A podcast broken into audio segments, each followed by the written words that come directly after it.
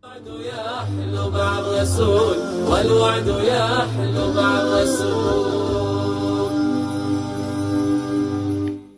السلام عليكم ورحمة الله وبركاته. الحمد لله رب العالمين والصلاة والسلام على نبيه الأمين.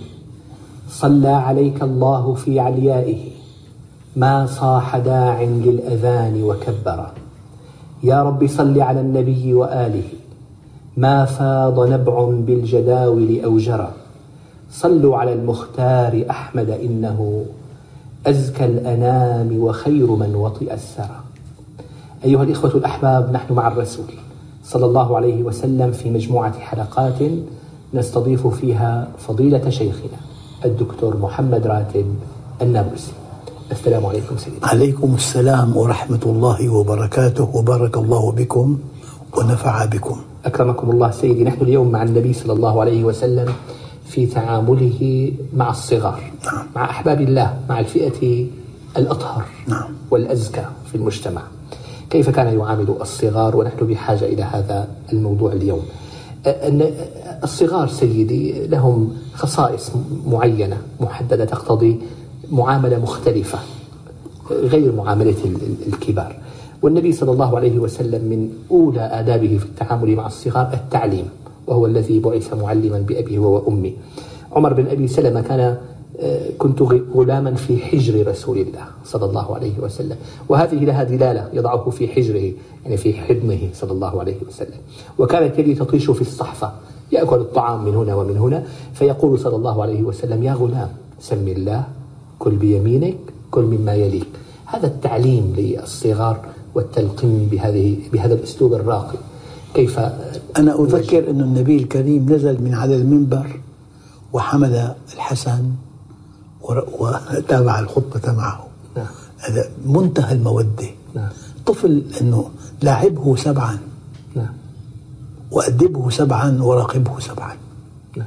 ثم اتخذه صديقا. نعم. منهج هذا في, في السنوات الأولى يحتاج إلى ملاعبة مداعبة. إلى ضم. حدثنا دكتور في الجامعة من كبار علماء النفس. يحتاج الطفل إلى عشرين ضمة في اليوم. غير الطعام والشراب هذا الضم يمثل العلاقة بين الأم وال- والابن. وهذه في حجر رسول في الله. حجر نعم. في حجره. أما النبي الكريم وأنا رأيي الشخصي الأطفال مستقبل الأمة نعم. الأطفال قوة الأمة. الأطفال آه، حرز الأمة. الطفل بريء.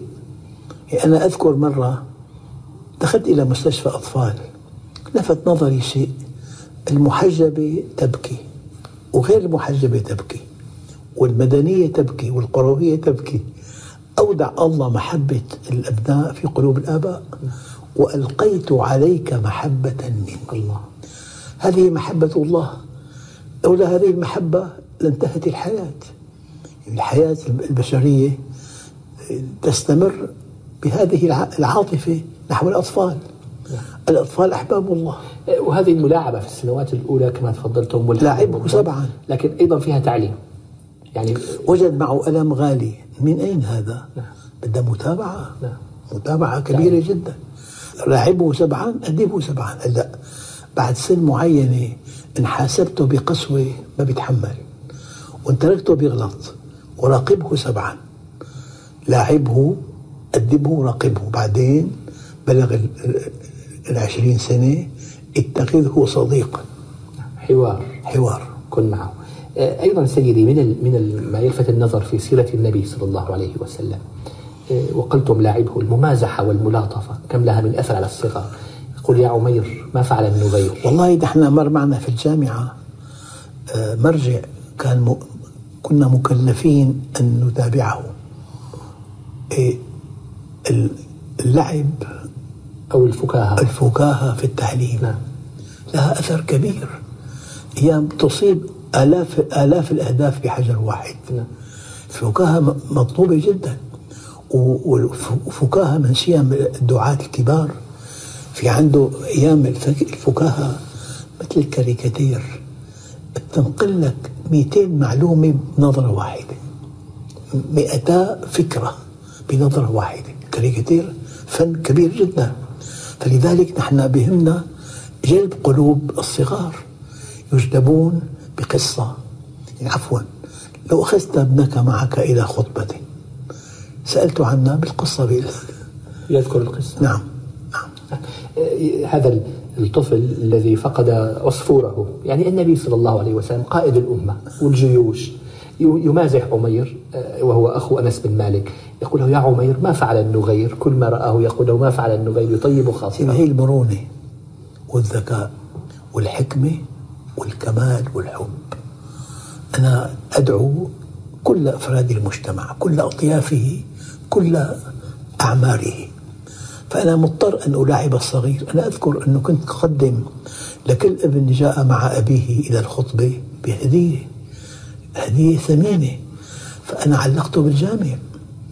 أما لو كان في ضرب في كراهية للجامع أقسم بالله أنه واحد تلقى ضرب من خادم جامع خمسين سنة ما صلى.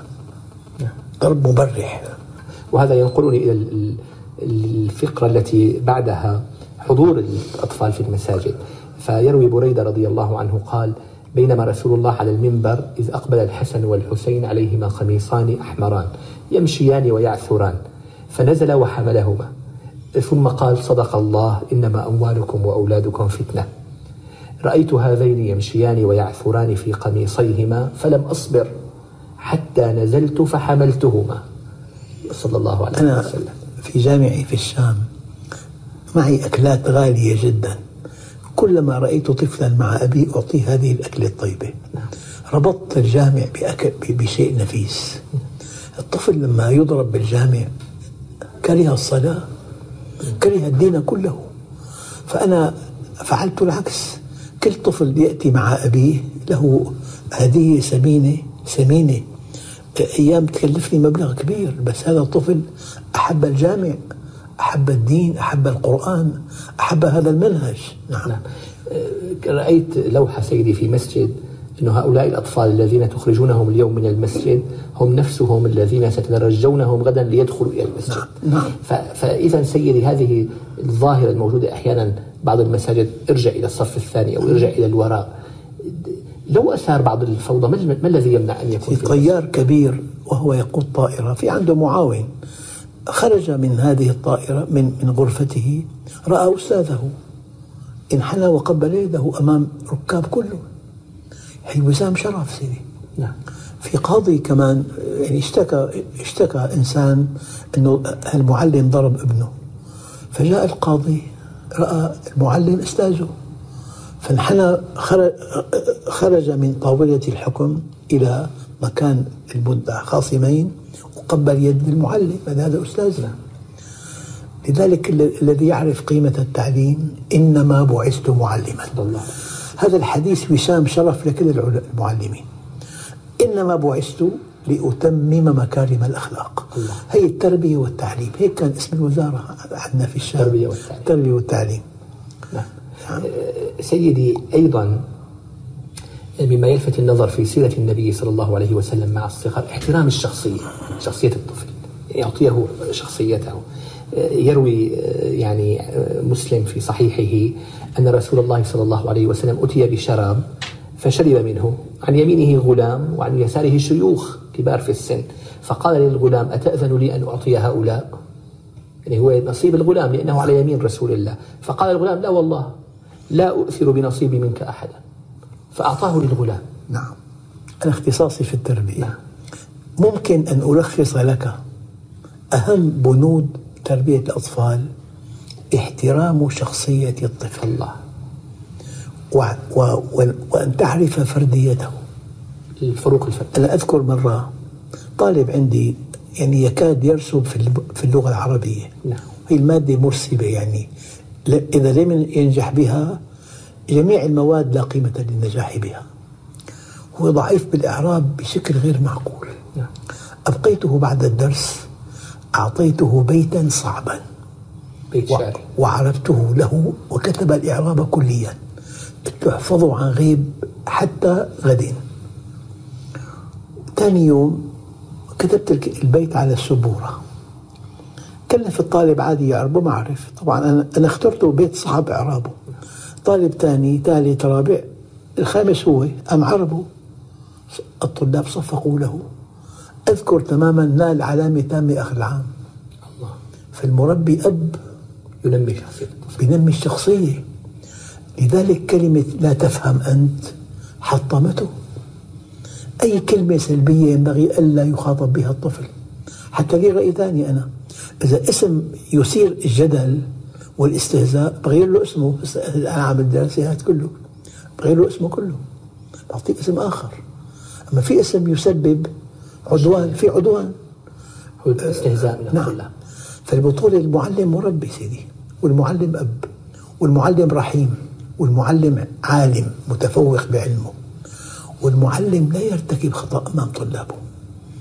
لو فرضنا إنسان لا سمح دخن في مشكلة كبيرة جدا. نعم. كبيرة جدا. علمهم. القدوة قبل الدعوة والإحسان قبل البيان والأصول قبل الفروع والمبادئ للأشخاص والمضامين للعناوين والتدرج للطفرة هي كلها مبادئ في التعليم. ويمكن أنا بعتقد بعتقد باليابان وبألمانيا بالقرية أجمل بيت للمعلم للمعلم. هذا يبني الأجيال.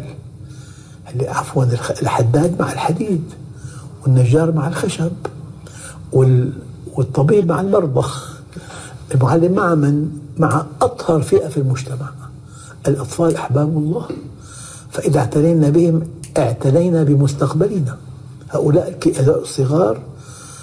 مرة كنت في بلدة اسمها إزرع. في جنوب وطفل سوريا. جنوب سوريا. فت الصف الأول ابتدائي كانت زيارة رسمية هي.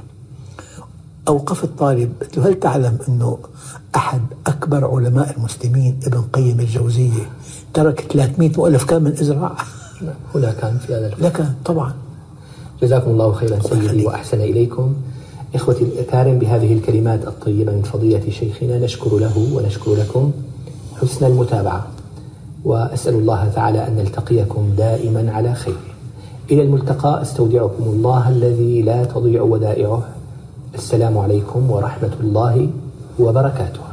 نستان بالبشرى الليال شوقا إلى رحب الوصال والروح تسري بالخيال. والوعد يحلو مع الرسول والوعد يحلو مع الرسول.